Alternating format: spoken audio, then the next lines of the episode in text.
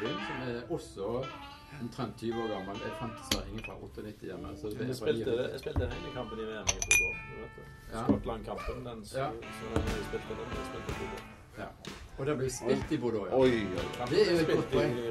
ja. Det er jo et godt poeng. Ja. Det må vi få med oss. Ja. Og så eh, er analogen da at eh, sant, eh, vin er litt sånn som fotballspillere. Mm. Ja, for den har du brukt en del. Det er liksom det at med- eh, Hvor med- lenge er fotballspillere på topp?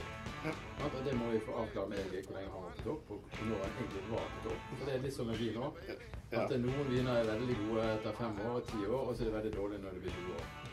Og det er litt sånn analogen. sant? Han var veldig god når han spilte for, i troppen i 98, men det vi så på Ullevål her forleden dag, det var jo som en var- oksidert vin. altså, Ødelagt vin. ja, en ødelagt vin. Korka. Eh. Så det, var korka. Det var, skikkelig og, men så er det noen viner da som, selv når de er 20 år gamle, faktisk da er fortsatt gode. Og det skal vi ha i dag. Mm.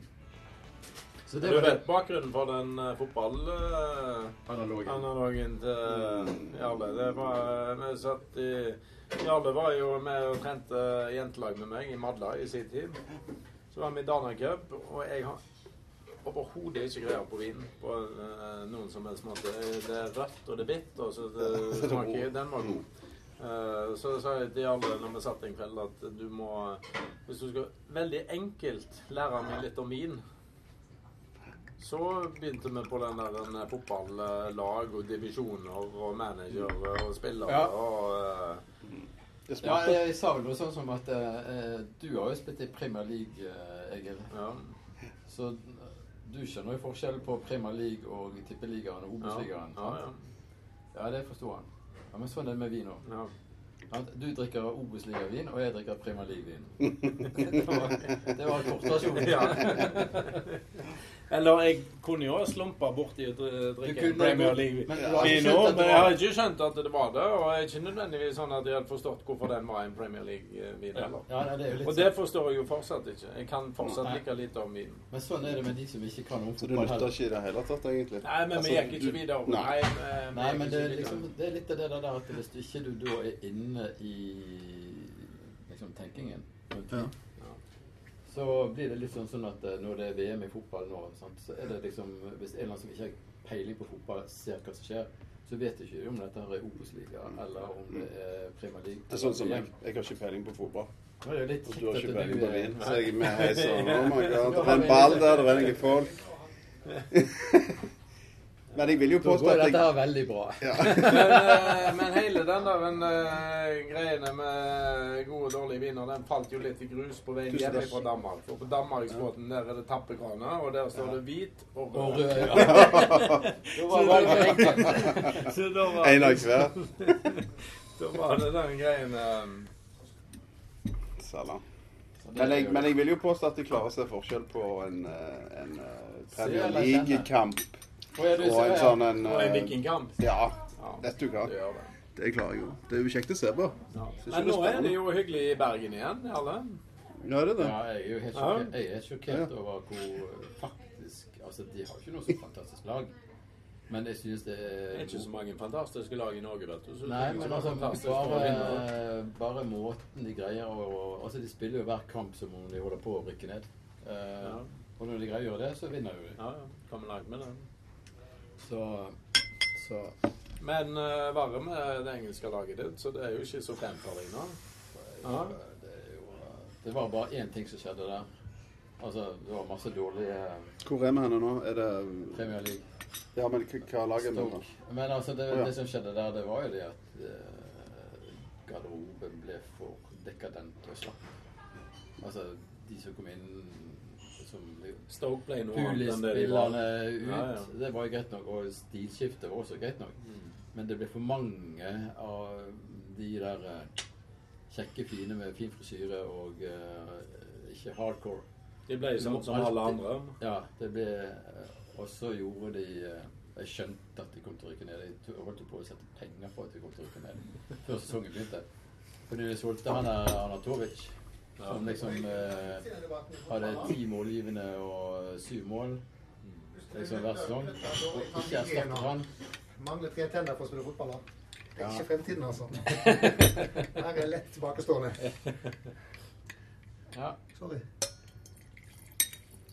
Oi, får pynte seg litt, da, men de skal være på TV hele tiden. Men er vi i gang nå, eller? Ja, vi kjører. Jeg, jeg har vært i gang hele tida. Jeg bare bare, kutter du det ut. bare redigerer, du? Ja, fordi det er noe ja, altså det er noe med å få med den der naturlige praten òg. Ja. Litt sånn at vi ikke er helt animerte. Så alt vi sier, blir tatt opp. Er Alt blir tatt opp, men alt blir ikke lagt er ut. ingen, er ingen. Fantastisk. Det var en vanvittig farge. Ja. Altså, det så jeg med en gang. Det var jo litt sånn eh, Så hvorfor dette bra greier, Jarle? Du som kan det. Det er jo en vanvittig farge. Han er litt sånn sant? rødbrun i kanten. Ja, Hvis- veldig brun, Hvis, sånn. hvis du forteller om denne først, og Knut Espen og kan jo dette Hvis at du hadde fortalt om dette, så hadde Knut Espen kommet inn om ti minutter og stilt han samme spørsmål. Ville han da sagt det samme som deg? Nei. Det er helt klart at uh, vi har jo forskjellige måter å si tingene på, og du kan jo bare Ja, men sånn hvis, du, hvis du leser Dagens Næringsliv eller Aperitif eller eh, Ronald eller disse her folkene her, så har jo alle forskjellige måter å si Men det er noen fakta om vin. F.eks. Fargen kan du liksom ikke krangle så mye på. Eh, denne har jo ikke rød-blå kant, eksempel. Kanten er rød-brun, og det har med alder på vin å gjøre. Når du snakker om kanten, så er Ja, så, så holder det- vinen, så holder vinen sånn. Så holder vinen sånn ned mot et eh, litt sånn lyst underlag, så ser Ja. du at du har litt sånn rødbrun skjær i kanten. Helt ytterst på vinen. Litt sånn grums. Uh, nei, Ikke ikke grums. grumsfarge. Nei. Nei, han, vinen er jo rød, men Ja. han er litt sånn rødbrun skjær helt Ja. ytterst. Ja. Og unge viner har ofte da et mer sånn rødblått skjær, mens eldre viner utvikler da eh, rødbrunt skjær. Men Det er jo fordi eh, Tidens tann. Tidens tann, og at han har ligget lenge på Det blir eller omtrent på som eh, knærne til eh, Egil. Eh, etter Der er det grums. Der er det mye Det er ikke, det er ikke er grums. Grunnen til at de blir brune, det er fordi at uh, antocyaninene, fargestoffene, som er lilla eller rød eller blå, de er mye mindre stabile enn tanninene. Så etter hvert som vinen modner, så ramler fargestoffene ut som et bunnfall. Så står man igjen til fargen med tanninene. Og tanninene de er da brune eller oransje. Mm. Og tanniner, det er De er garvestoffer. Så etter hvert som fargen av frukten forsvinner, så står man igjen med disse. Det var den kjemiske Yes. forklaringen. Teknisk, Det den tekniske forklaringen. Jeg skjønte nesten ingenting, men jeg forstår jo at det blir rødbrun. Ja. Men Men, men altså, nå er vi altså på en uh, vin fra 99. 1999. ja. Og det var jo liksom året etter uh, VM Ja. i Frankrike. Eh, og dette er jo fra Bordeaux. Mm. Dersom Norge-Skottland-kampen ble spilt, Mm. Egil, som Mm. du var med på. Den kampen, det var den kampen jeg spilte i. Det. Ja, ja. Så derfor var det linken. liksom. Jeg måtte Mm. ha en Bordeaux-vin. Jeg måtte Kult. ha en vin som var Jeg fant dessverre ingen 98 Bordeaux, Nei. Uh, men jeg hadde 99. Mm. Eh, og meningen var da liksom at vi måtte ha en 20 år gammel vin. For nesten 20 år gammel for å reflektere liksom at det er 20-årsjubileum i, i år da for Norge-Brasil-kampen. Jeg har ei vinflaske hjemme jeg, så det står en, eh, med etiketten Norge-Brasil, som ble solgt uh, på gata i Marseille rett etter den kampen. Den, den minen er nok ikke god. Vet du hvor han kommer Jeg har ikke peiling. Nei, ok. Null peiling. Men uh, det var jo sikkert sånn uh, telt som er utpå her, så drev og solgte sånt i, i Så hvis du var i Marseille, så var det liksom mer som Provence-vin, kanskje. Men hvis det var i Bordeaux, så kunne det vært en Bordeaux-vin. Ja, Og da er det håp. Han er jo han er trygt. eh, Han er, altså, jeg tror faktisk resultatet av kampen står på Nei, etiketten. kødder du? Oh, ja. Så det var ikke jeg som kjøpte den, for vi måtte jo gå rett hjem og legge oss etter kampen. Så Ja. det fikk jo, men Ja, Hilde, mot Italia. Hilde var der jo, så hun, de var ute, så det er hun som kjøpte den. Ja, Sånn. kult. Men hvordan var denne kampen i 98? Hvordan kan du beskrive han? Jeg, jeg, jeg, så litt av han eh, den for to helger siden da vi spilte denne returkampen. Så, så gikk han i reprise på, uh, på NRK uh, kvelden før. Uh, så når jeg kom på rommet Vi, vi møttes jo dagen før og spiste pizza, drakk øl og ladde opp til kampen. Men så så jeg siste del av kampen når jeg kom på rommet. Og kampen Jeg minnes kampen som egentlig ganske sånn helt middels kamp. Eh, aldri sett han etterpå. Men når jeg så eh, Jeg syns kampen så bedre ut når jeg så den på TV enn jeg husker han var. Mm. Um, Ja. eh, vi var faktisk eh, ganske gode i den kampen. Det, det var nok den beste kampen vi spilte i VM. For det, de to første kampene mot Marokko og Skottland var ganske dårlige. Og mot Brasil så var det nesten litt sånn at lufta var eh, gått ut av ballongen. Sant? Vi måtte slå Brasil for å ha en sjanse til å gå videre Ja. i gruppa. Det, det var liksom vi var, vi var ikke i form, sant? så det var Mm. liksom eh, utenkelig. Og så ti minutter før slutt så skårer Brasil 1-0, og da var eh, kofferten i ferd med å bli pakket. Sant? Og så liksom på ti minutter så så var det liksom Mm. magi der. Så, um, Men dere hadde, jo nok bedre tro, enn jeg trodde. dere hadde jo troen på at dere faktisk kunne Altså, for Jeg husker at eh, jeg, jeg jobbet jo borte i Skottland på det tidspunktet. Og liksom alle disse skottene sant, de var i samme puljen. De var jo overbevist om at de kom til å slå Marokko, og Norge kunne jo aldri slå Brasil. Det var jo helt klart. Så alle de der britene de var jo liksom sånn Ja, ja, ja, ja du kan jo gå hjem og se kampen, men uh, du trenger jo egentlig ikke. sant, De lo jo av meg. Men så, så la jeg merke til noe som Drillo sa. Og det var det at eh, ja, Brasil vinner ni av ti kamper. Men det kan jo hende at det, denne her kampen i dag er liksom den ene 10% hvor Norge vinner. Og det sa jeg til de der eh, gutta på jobben når jeg gikk. Ja, ja, det, det, Brasil kan vinne, eller kommer til å vinne sikkert, men det er 10 sjanse. Og det kan jo være i dag. Og så bare lo alle sammen. Mm. Ha det. Nei, men det Men, Men dere, så dere må jo ha troen. ja, men akkurat, tro den, akkurat den perioden der av norsk fotball, så var det jo sånn at uh, Jeg husker jo eh, litt sånn stemningen i landslaget som var det i årene der. Den var jo sånn at uh, vi, vi trodde jo vi skulle vinne alle kamper. Ja. Men vi hadde spilt mot Brasil i 97 året før. Uh, Treningskamp på Ullevål. Vant 4-2.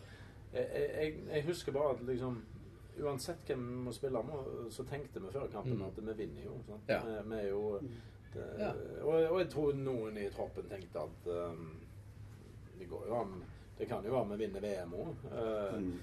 Men uh, for, for det var liksom Vi var vant med å vinne og når det var på landslaget. Og, og Drillo var jo flink til liksom bryte ned motstanderen. Ja, og ufarliggjøre liksom, Ja, veldig ufarliggjøre. Og liksom eh, Så, så, så vi, vi trodde jo alltid vi kunne vinne. Men samtidig, når vi var i VM, så var vi egentlig altså, vi hadde to dårlige eller middels Mm. prestasjoner mot Marokko og Mm. Skottland, så vi var Ja. jo ikke dumme i hodet. Så, du, sant, så du, du så jo at vi var ikke på vårt beste. Ja. Så jeg tror mange uh, Men samtidig, vi tror alltid vi kan vinne. Men jeg tror liksom hele stemningen rundt var liksom at eh, eh, nå er VM over. Uh, Mm. Men så, så skjedde det som skjedde, Ja. og så fikk Ja. vi en kamp til. OK. Skal Men da var jo du liksom eh, Var det da du var på topp? Altså Hvis vi tenker sånn Jeg forsøker jo å kjøre sånn vin- og fotballanaloger. Ja, Når, folk spør meg alltid liksom Ja, liksom Når kan vi drikke denne vinen her?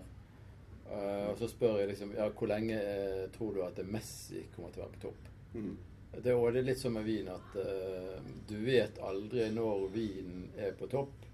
Du kan si det ut ifra noen uh, årganger, noen distrikter og sånne ting som det, men uh, vinen har et liv som er litt lik fotballspillere. Bortsett fra at denne her faktisk er fortsatt god etter 20 år. Ja. Og det er vel få Det er fotballspillere fotballspillere er. Nei, det er det ikke. Men det er Bordeaux, som det var Skottland-kampen, og der eh, kan de ja, lage de vin som tåler 20-30 år. Mm. Men Mm. når var det du var på topp, da, hvis du ser deg tilbake? da, Egil? Hvor, hvor lenge spilte du på topp, for å si det sånn? Jeg eh, var i toppfotballen fra Jeg flytta til Stavanger på 18-årsdagen min. Jeg Gikk til Viking eh, i 1990. Ja. Eh, og, så da var jeg jo liksom inntreden i toppfotballen. Mm. Og så var jeg i toppfotballen, hvis du definerer det som øverste nivå, enten det er i Norge eller andre Ja. steder, så var jeg fra 1990 og hadde min siste sesong i 2005. Så du var Så jeg var 15 15 år. år på topp, liksom? Ja. Mm. Ja. Men jeg var ikke like god i 15 år. Men det, så det er jo sånne faser når du er 18 og kommer inn i toppfotballen. Da eh, skal du jo klare den overgangen fra å være talent til å bli en etablert eh, toppspiller. Mm. Og den er jo eh, kjempevanskelig og Ja. brutal. For de aller fleste så, så blir du Altså Det er vanskelig nok å komme i, i, i posisjon der du blir tatt opp i en A-lagstropp og har Ja. muligheten. Det er jo et vanskelig steg. Og så er det enda vanskeligere å ta steget fra å bli talent til å liksom bli en etablert toppspiller. Mm. Og det brukte jeg ganske mange år på. Det var Ja. liksom tre sesonger i Viking før jeg var etablert uh, i startelveren. Ja. Mens andre som kom samtidig med meg, de Mine kompiser Kenneth Storvik, Gunnar Ja. Aase, de eh, etablerte seg første året. Jeg brukte tre år. Andre Ja. som kom samtidig med meg, som eh, var like gamle, klarte aldri det steget. Mm. Og var et Mm. par sesonger i Viking, og så endte opp med å spille i lavere divisjoner. Ja. Så, så det er jo én fase, og så er det liksom den fasen der du er etablert spiller med, med motgang og medgang som Ja.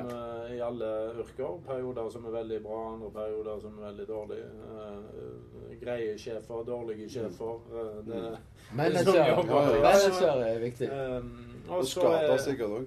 ja, og så er det den eh, liksom siste delen av karrieren når det liksom begynner å regne på, og du har uh, vondt Mm. på det her og der. Og, Ja. eh, Ja. Du merker at de unge spillerne plutselig er veldig Løper. friske. så um, så det, det er jo Det er jo liksom en yrkeskarriere uh, i eh, mikro. Uh, Ja.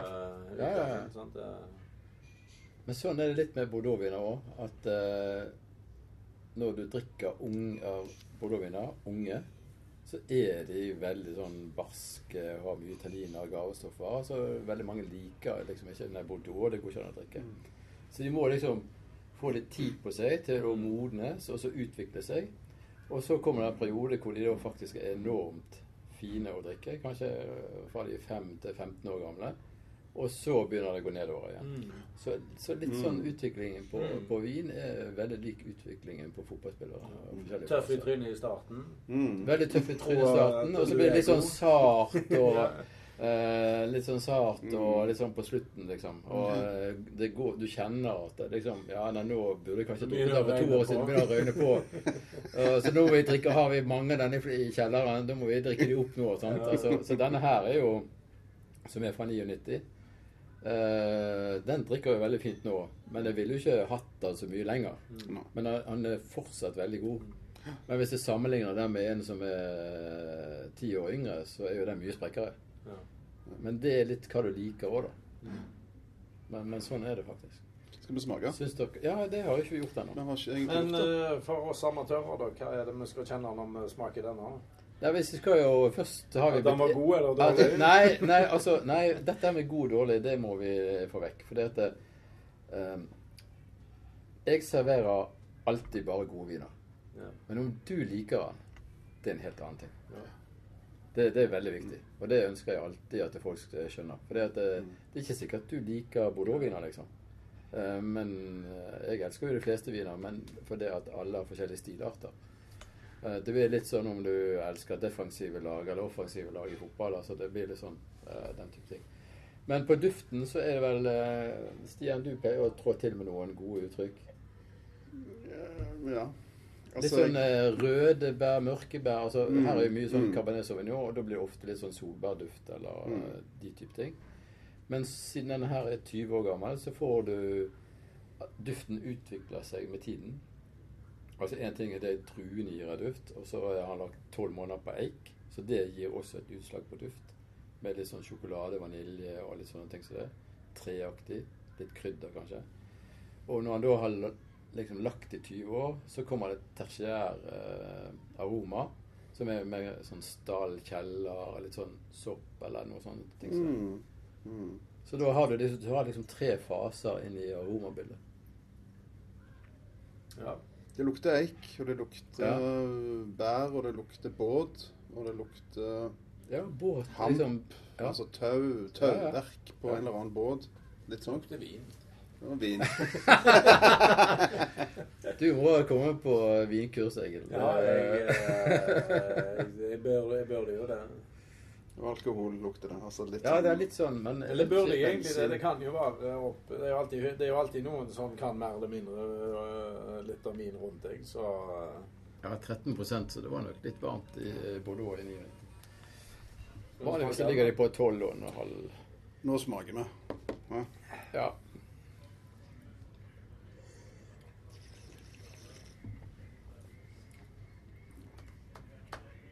Og her liksom kjenner du at hvis du har sånne gavestoffer, så snerper det i munnen.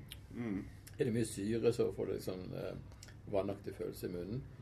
Her er det liksom ganske sånn behagelig. Det var på alt. Det er veldig liksom bare Og ganske lang ettersmak. mm. Uh, så han er jo Denne her er avrundet, og gavestoffene er vekke, og, men syren er der, og en god struktur. Så denne drikker jo veldig bra nå. Mm. Mm. Så det er, en, det er en erfaren spiller som er trygg på Dette seg her selv. er en erfaren spiller som er trygg på seg sjøl. Og så er det litt tilbake til det du sa om manager. Hva slags, hva slags manager var du trives best med? For alle har jo en sjef som de liker, og en som de ikke liker, og en som de syns er vanskelig, og en som de har respekt for. Og, ja. Hva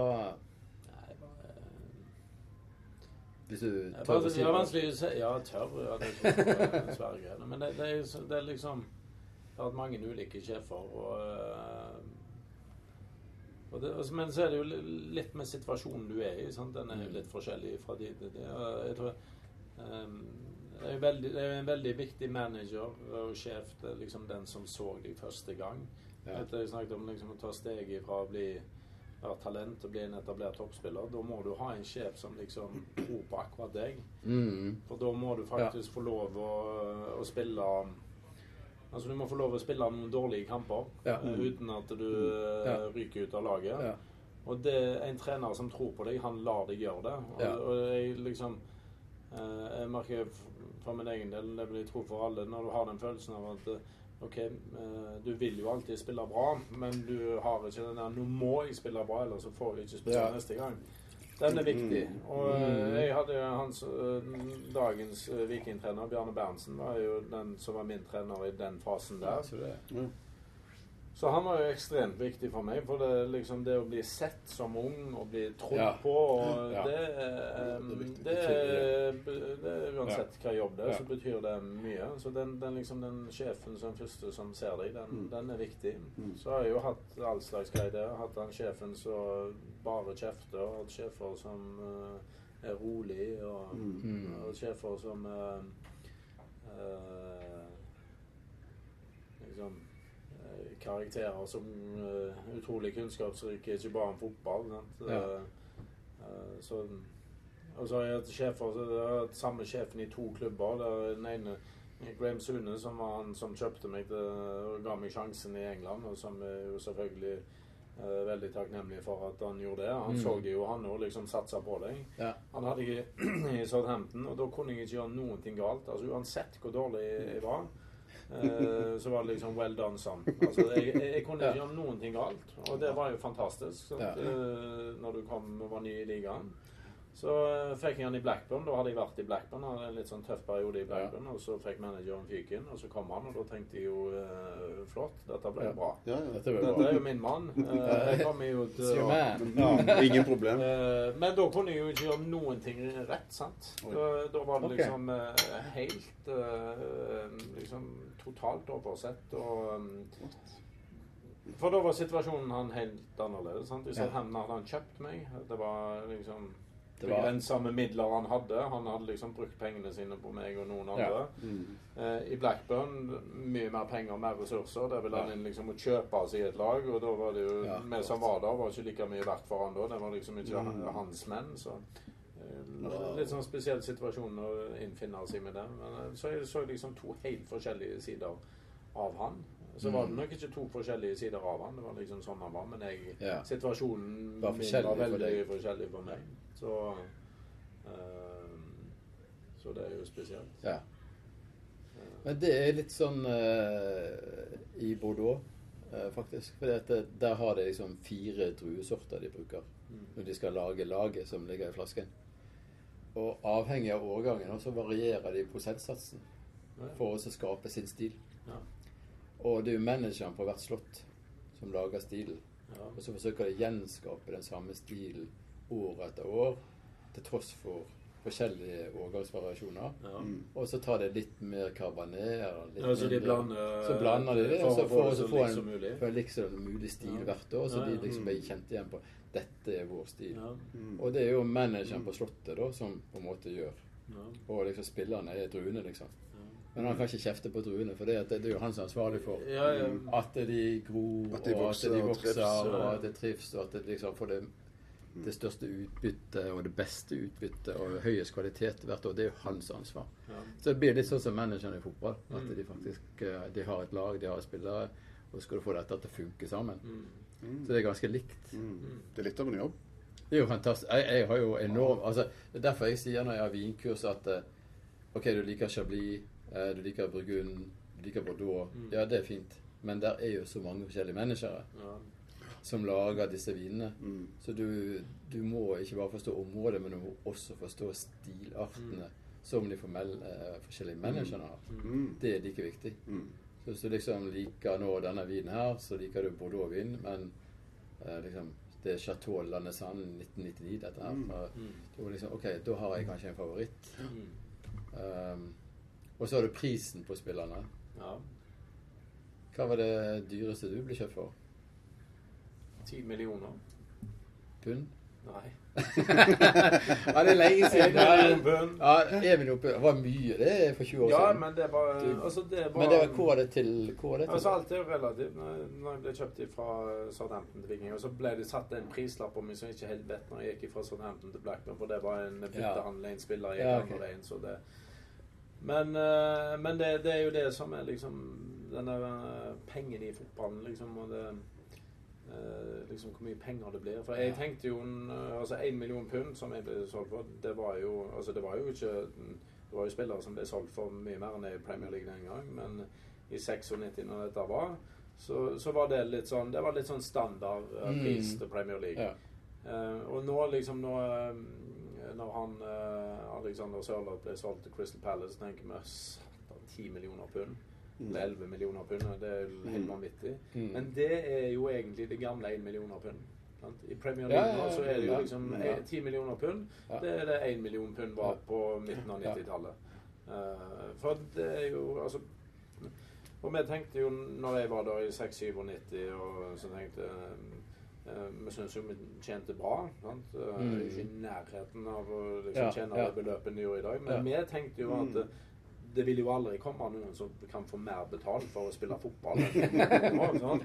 Eh, Og det tenkte nok generasjonen før oss igjen. Ja, ja, ja. Og sånn tenker, de, sånn tenker de om fotball nå. Liksom, herregud, det, det liksom Hvor går grensen? Ja, jeg betaler mer for spillere. Nå betaler Ja. jo så mye. Jeg vet jo ikke hva spillere koster lenger. Sant? Ja, det er jo liksom bare blitt er et tall. Ja, det er hinsides. Og, og, og jeg husker um, um, har vært i 98, rett før VM eller noe sånt. Så jeg husker jeg sto i uh, engelske sportsaviser at Roy Keane, som den gang var kaptein på Man United, han hadde skrevet en ny avtale med United. Han skulle på Mm. 10 000 pund i uka. Ja. Og da satt vi liksom i garderoben der og liksom Fuck. Mm. ja. 10 grand a week. Sant? Wow. Det er ridiculous. Sant? Det hørtes Ja. helt vilt ut at vi liksom skulle få 10 000 Mm. pund i uka.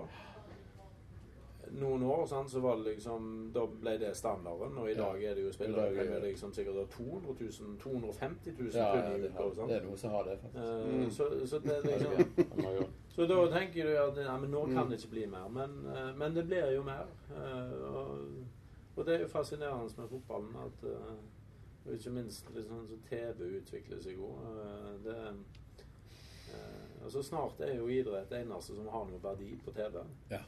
For det er, liksom, det er det som skjer i nåtid. Ja. Mm. Eh, og hva idrett er det som er mest populær i verden? Jo, det er fotball. Og hva liga er mest populær i fotball? Jo, det er Premier League. Premier League. Mm. Men så er den TV-rettighetene som liksom var skyhøye på 90-tallet, det er jo liksom Så lenge vi gidder å betale Ja. mer og mer hvert år for å se Mm. Premier League. Jarle, du eh, betaler jo uh, gladelig penger. Du, eh, altså nå, etter at Stoke rykket ned, da, så sa jeg opp der betraktene. Eh, da, da, fotballmessig så skal jeg befinne meg på et lavere Ja, ja. nivå i året som kommer. Ja. Men vinmessig skal jeg holde standarden. Ja. Du skal det? Ja, ja, er du gæren. Uh, det må jeg gjøre. Men det er litt interessant med den prisutviklingen, for det samme har jo skjedd i Bordeaux. Mm. Altså en sånn topp Bordeaux-vind som ligger i Premier League-nivå. Eh, det var jo overkommelig på 90-tallet. Ja. Mens nå er jo det helt horribelt. Mm. Altså pga. investorer, Mm. eh, pga. gode årganger, pga. spekulanter. Så koster jo en sånn toppslott som jeg faktisk har i kjelleren fra 80- og 90-tallet, Mm. som var overkommelig priset, de koster jo nå sånn eh, 4000-5000 kroner flasken. Mm. Og hvis du da spør meg Mm. er en fotballspiller verd 400 millioner kroner, Mm. og er en vin verd 5000 kroner flasken, så er svaret ganske klart fra min side at det, det er jo ikke verdt det. Nei. Altså, sant? altså Premier League er, er godt nok, Mm. men det blir jo liksom ikke Altså bruke nesten en halv milliard det er jo så, altså, på enkelte spillere. Ja, ja. Eh, og denne vinen som vi drikker nå, den gjorde jo en liten Altså, den sa nei til å være med i Premier League i 1855. Da laget de en egen liga i Bordeaux som heter 1855-klassifikasjonen. Og så fikk disse her forespørsel om å være med i denne her. Og det var en sånn eh, Du kan tenke deg en sånn fotballiga hvor alle blir med, men ingen kan rykke ned. Mm. Ingen rykker opp imellom. Det er fem kvalitetsnivå. Ingen kan rykke opp eller ned. Alt er stabilt. Ingen kan rykke ut. Og de tenkte nei, det der blir for mye støy. Så de valgte å ikke være med. Uh, det det betyr ikke at den ikke er like god som en som er med i denne Premier League 1855-klassifiseringen. Mm. Men det det betyr, er at den er mindre populær Mm. og mindre kjent. Og dermed blir prisen lavere. Akkurat som en tippeligaspiller koster langt mindre enn en Premier League-spiller. Men kvalitetsmessig så kan jo det være enkelte ganger at det blir like godt. Altså en lav kvalitet til Premier League og en topp kvalitet til tippeliga begynner å nærme seg. Begynner å nærme seg. Ja. Men det er nok større avstand der nå enn det Enn det var før. Ja. Det er det. Men, men eh, Og det er litt sånn at eh, Norge slo Brasil. Mm.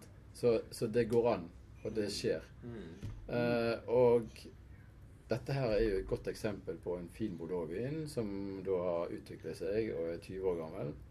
Den koster ikke 2500 kroner, Mm. den koster 250. Mm.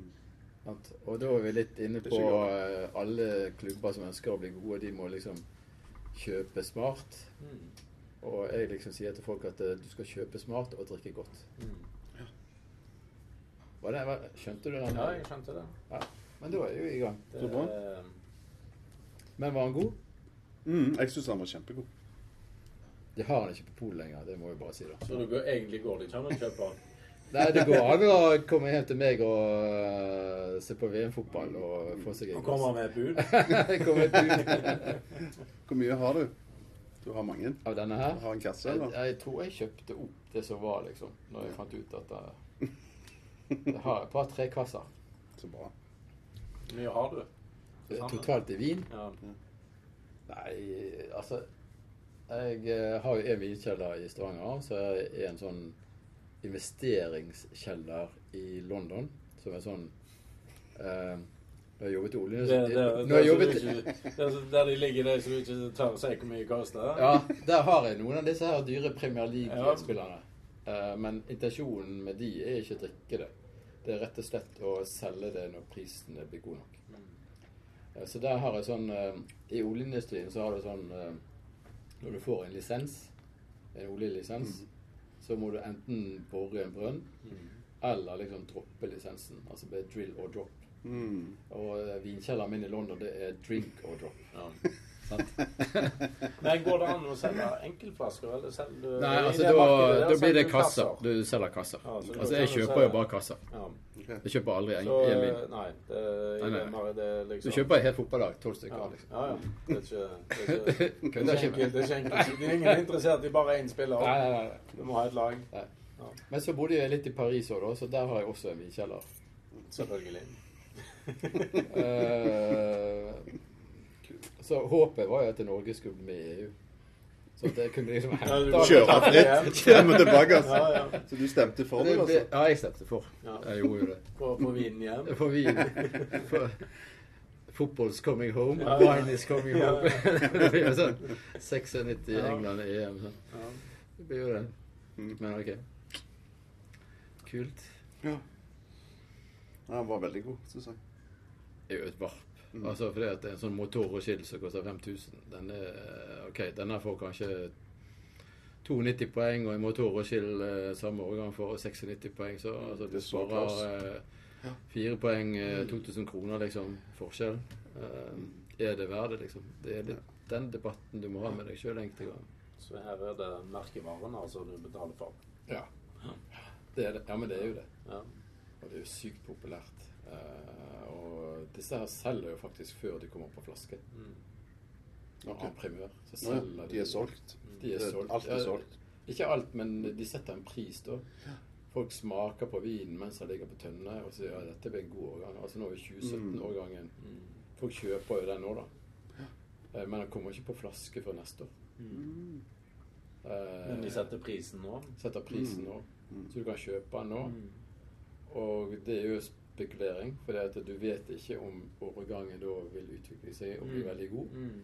Mm. Og hvis du da har kjøpt den til en rimelig pris, så har du faktisk tjent penger allerede da når den kommer på flaske. Men hvis årgangen ikke blir populær, så har du kanskje tapt penger. Men Så setter, du er setter sånn- de i utgangspunktet omtrent samme pris?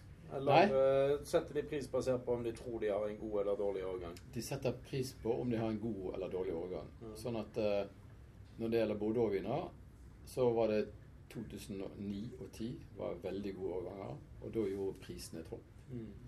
Så hvis du ønsker å kjøpe Et godt tips er faktisk hvis du ønsker å kjøpe Bordeaux-viner som er rimelig priset, Mm. så bør du kjøpe drikkeklare Bordeaux-årganger fra før 2009 og 2010. For da er prisen lavere enn etter 2009 og 2010. Mm. Og hvis du kjøper vin som er etter 2009 og 2010 fra Bordeaux, så må du lagre dem før du kan drikke dem. Så det er ganske lurt faktisk å gå på polet i dag og kjøpe før 2009 2010, for da er det billigere. Mm. Mm. Så et lite tips. Mm. Løp og kjøp. Sånn. Så Men sånn er det. Ja. Alt du kan. Uh, ja, vi er lærer. Vi lærer. Ja. Men uh, ja. Hvordan går det med VM nå, da? Er det noen som følger med? Altså, jeg har jo fått ut sånn uh, skjema, sånn Excel-ark, sant. Ja, du sitter og jeg. Ja, det gidder Jeg jeg. gjorde Det sånn i kamp, og og hast og har jo bommet på alle resultatene. Ja, ja. Men uh, jeg hadde liksom Argentina og Brasil i finalen. Oh, ja. Okay. Ja, det, det kom ut automatisk, så jeg visste Ja, ikke ja, at det ble sånn. sånn. Men Mm. ut ifra måten jeg tippet Ja. på, så ble det sånn. Men det som var litt deilig å se på, det var jo når Mexico uh, Hvem var det de på Tyskland, ja. Oh, ja. Jeg tror jo Jeg har jo sagt Tyskland som vinner. Ja. Okay. Og det tror jeg fortsatt. Ja, ja, det- det tror jeg fortsatt på. ja. Så eh, ofte, ikke alltid, men ofte så er det jo sånn at VM-vinneren starter litt, eh, Litt litt dårlig. Ja. Eh, og Tyskland var ikke dårlig mot Mexico heller, men Mexico var Så hvis Tyskland liksom kommer seg gjennom eh, Men så er jo den historikken at VM-vinneren går på trynet. Det har jo vært det siste VM-ene. Men hvis Tyskland kommer seg gjennom neste kamp nå, så tror jeg Tyskland Da blir det vanskelig. blir stygge. Ja. Eh, og så eh, er jo Spania det, de som har vist den beste fotballen så langt. Mm. Eh, og Spania eh, Spania blir eh, farlig. Det er mange gode Ja. lag nå. Det er Belgia en liten outsider. Argentina starta litt sånn som Ja. Tyskland. Brasil tror jeg ikke på. Men da, siden jeg ikke tror på dem, så kan det jo være at eh, da, da gjør de Det er da det skjer. Det er Jeg har ikke altså. tro på Brasil. Um, um, nei, det er gøy. Det, det er kjekt med VM, altså. Mm. Det, ja. Det, det er ganske kjekt, altså. Jeg har ikke sett noen kamper, jeg. Nei. Så jeg er der. Men det kommer sikkert. Hvis du inviterer meg. Ja, men jeg, jeg har jo vinbar i morgen, og da blir jo det litt fotball. Ja, å ja, gjør du det? Ja, altså, du trenger jo ikke se på. Jo, jo, jo. jo. Ja, altså, det er gøy, det. Jeg liker å se på. prate, men, eh, men jeg er liksom på skjermen, da. Sånn i bakgrunnen. Ah. altså, er det Frankrike og Argentina som spiller, så da blir det franske og argentinske viner. Ja, det er en god idé. Det hørtes kjekt ut. Bare sånn. Og det kan jo være en idé hvis du skal lære litt om vin, og så drikke vin fra det landet du ser på. Det kan. Mm. Det kan jo være litt kult. Men England, da? Da blir det champagne, som vi snakket om? Da blir det champagne. Ja. England er jo stormende god på, å kjøre- på bobler om.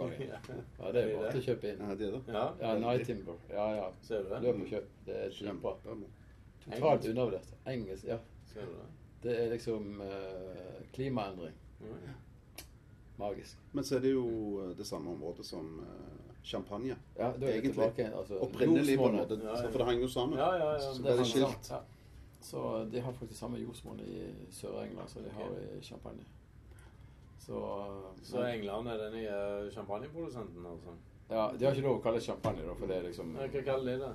Nei, det blir English sparkling. Ja. Men altså, det er jo champagnekvalitet. Ja, sant, altså. Men for de har jo liksom I champagne så er det sagt at det bare De må dyrke Ja, det der for å Ja. Kan jeg liksom ikke si at uh, Viking fra Derby, liksom. Nei, nei, det går ikke. nei, nei. Det Så engelskmennene er den nye aktøren i dette markedet? Dette, Ja, altså. litt sånn up and coming. Ja. Morsomt. Ja. Morsomt. Det- Alt kan skje. Hvem skulle tro det? At uh, sånt skjer i vinbransjen nå? Mm. Ja, men du var jo i Southampton, sant? så da eh, var jo det ganske i nærheten Ja, hvor en, er det- eh, Nei, det er nedover liksom på, mot uh, derfra, og så fra Brighton og så nedover Ja, mot ja. Cornwall. Ja. Nedi der, da. Det Det Jeg ikke på. Jeg har lært noe i dag òg. Nei, det tenkte jeg overhodet ikke på. Det, forbinder, det er vanskelig å forbinde England med vin, altså. Ja. Det, men uh, ja, men De har til og med vin i Mexico, og de har vin i Kina, og ja, ja. de har vin overalt. Til og med. Ja. De har vin overalt. Ja, ja, Ullandhaug Mm. dyrker vin alle plasser. ja. Mm. Mm. Så en 99-årgang, eh, Egil, fra Bordeaux, den holder fortsatt? Det gjør han. Jeg, jeg har jo ikke greie på det, men han var god. Ja. Så kan jeg ikke si hvorfor han var god, men han var god. Men hvis du syns det var god, så er jo så han er det helt greit. Så er han helt greit, liksom. Og hvis du synes uh, fotball-VM er kjekt, så er det helt greit Så er òg. det helt greit, ja. Og hvis du har andre ting å gjøre på, så eh, Det er det er jo det også helt kjekt. Jeg stoler jo på deg, Jarle, så hvis du sier at han er god, så tør jeg ikke si noe annet enn at han er god. Nei, det er jo viktig at du har din egen eh, formening om vin er Ja. god eller ikke. Ja, men det har jeg. liker. Min, mine vurderinger av vin er enkle. Det er liksom Ja, den var god. Eller den var ikke så god. Ja. Det er greit, det. Ja. Jo, men det er jo akkurat det du trenger. ja. Men det, måten å huske om vinen var god på, er Ja. faktisk å ta bilde av flasken, sånn at du vet hva du likte og hva du ikke ja. likte. Mm. Og så bare putte det inn på det Ja, for- albumet som heter Vin. som Mm, det gjør jeg. Jeg gjør det. Det hjelper veldig. Det det. For oss som begynner å bli litt eldre. Så, ja, jeg gjør jo ikke det. Men, så derfor husker jeg heller aldri hva for noen som var gode. Men Men det er et godt tips. ja. Så med lagoppstillingen sånn, fra um, Jeg har jo lagoppstillingen fra cupfinalen i 72 sant, for Stoke, når de vant ligacupen. Nei, det er sant. 72. Så uh, jeg vet ikke om du har noen sånne favorittlag eh, som du husker? ja og, eh, Lagoppstillingen når du skåret hat trick for Southampton mot Man United, kan du den? For å utfordre deg litt. Du skåret jo hat trick, sant? Ja. Eh, Tenk å skåre hat trick mot Man United. Det er sykt. nei, jeg husker, nei, jeg husker ikke nøyaktig lagoppstilling. Jeg husker jo mange som var der. Men Ja. um, Så noenlunde. Hvem var det som ga pasningene til deg, da? For eksempel? Ja, det var ganske enkelt. Eh, Det var eh, en som kom samtidig til meg. eh, Kanskje den beste spilleren jeg har spilt med. Mm. Eyal Berkovic fra Israel. Ok. Fantastisk fotballspiller. Ja. Han, så han hadde målgivende på to av de tre målene. Hmm. Eh, Og hadde målgivende på veldig mange av målene de skåret i Southampton. Mm. Så han var en drøm å spille med. Uh, Klaus Lundekvam spilte jo den kampen. Letizier, som er den store guden i Southampton, spilte den kampen. En nederlender som kom samtidig med oss, et monster av en forsvarsspiller som heter Ulrich Frank Goebbels, eh, spilte den kampen. Eh, ja, det er vel egentlig det jeg Mm. husker. Men det er litt sånn tilbake til at du liksom for å være veldig god, eller få til å skåre mål, så må det være et samspill. Ja, det må det. Jeg, jeg Ja. er ikke noen spiller som uh, gjorde ting på egen hånd. Jeg, eh, jeg Du var bare putta? Ja, Ja, Men jeg var god til akkurat det. Men Ja. jeg måtte ha noen rundt meg som kunne putte meg i, kunne de putte- i, sette meg i de situasjonene. Så um, det er ikke så mange spillere lenger som Mer og mer slutt på de spillerne som på å si, vinne VM på egen hånd. Mm. Det, liksom Det er lag. Messi og Ronaldo er jo litt der ennå. Ja. Uh, men heller ikke de er sånn, liksom, sånn som Maradona var, som liksom vant VM på Mm. eh, Maradona vant jo VM The golden egen hand. Ja, Liksom. ja, ja. Handshake. På sin måte. så, um, så sånn har jo fotballen utvikla seg. At det, det er så høyt nivå at det, Mm. det der um, Ja. Men det- så er det jo noen spillere som er selvfølgelig ekstremt viktige for lagene sine. Sånn som Ja. Ronaldo viste mot Spania, f.eks. Ja, my god. Det er Ja, fantastisk. dunker inn i frisparket Ja, ja. på slutten, er Ja, jo ja. magisk.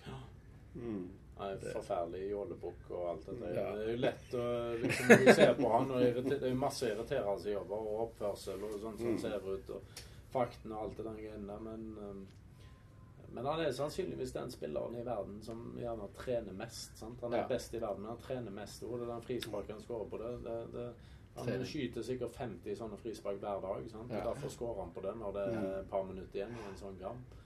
Eh, og sulten han har. Han liksom har vunnet alt. Ja. Eh, og skårer mest mål. Men, og uh, passerer 30 med god magi. Men liksom så sulten, det er jo Ja. Det er ekstremt imponerende. Ja. Uh, og det er lett å glemme, for du ser liksom det der jåleriet. Mm. Sånn, Mm. Men uh, um, Og så glemmer du alt det der um, som ligger bak. Men den Ja. sulten og den driven og det arbeidet som ligger bak, det, Mm. eh, eh, det er ikke tilfeldig. Nei, det er ikke tilfeldig at han er best. sant? Um, Men det er jo ofte sånn at eh, det er veldig mange som har greid å komme seg frem i fotball med hardt arbeid, som Mm. kanskje ikke hadde enormt talent. Og så er det noen som har hatt et veldig godt talent, som har skusla det bort. Sånn er det gjerne ikke bare Eller sier jeg da at eh, For det er jo mange som sier at ja, han er bare så stort talent, han kunne blitt så god han bare Ja. ville. Eh, Da sier jeg at nei, han kunne jo egentlig ikke det. Nei. For uh, hvis du skal bli god, så må du jo liksom ha den viljen til å gjøre det. Du må det. ha viljen til å stå på, ja. For det er liksom Det er en bestanddel av talentet det er for å bli god. Mm. Hvis du ikke har det, Mm. så, eh, Så så, ikke- så kan du ikke bli god. Ja. Eh, Du kan bli helt ok, men du kan liksom ikke bli Ja. veldig god. ja. Så sånn, eh. Men nå må jeg på jobb. Du må på jobb, men Mm. før du går, så må du liksom Hvis du lukter på vinen og så tenker liksom litt sånn Hva slags musikk hadde passet til denne vinen her? Og du er jo superinteressert i musikk. Ja. Han må få den, sant? Ja, den må han få. Jeg skal jo komme med godt eh, filosofisk uh, Nei, du må liksom bare tenke deg Hvis du skal sitte og så sippe denne her hjemme med- alene Har du fått deg vinyl, forresten? Ja. Ja. ja så jeg har henter, henter fram alle mine gamle vinylplater. Ja, du har det, ja. ja. Da er vi i samme situasjon. Så Og begynner å kjøpe vinyl igjen. Ja, det er jeg òg. Mm.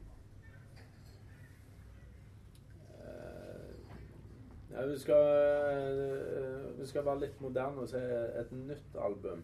Ja. Så kjøpte jeg eh, det som er årets så langt beste utgivelse, som jeg tipper kommer til å bli beste utgivelsen i år. Den kjøpte jeg på vinyl nå, så den kan eh, jeg sette på med denne. Det er nye albumet til Arctic Monkeys. Mm. OK. Mm. Og det var, det var helt strålende. Og det, Ja. det er et sånt album som Når jeg hørte det første gangen, så tenkte jeg i all verden er det jeg holder på med nå? Ræl har vi en verden, Ja. tenkte jeg.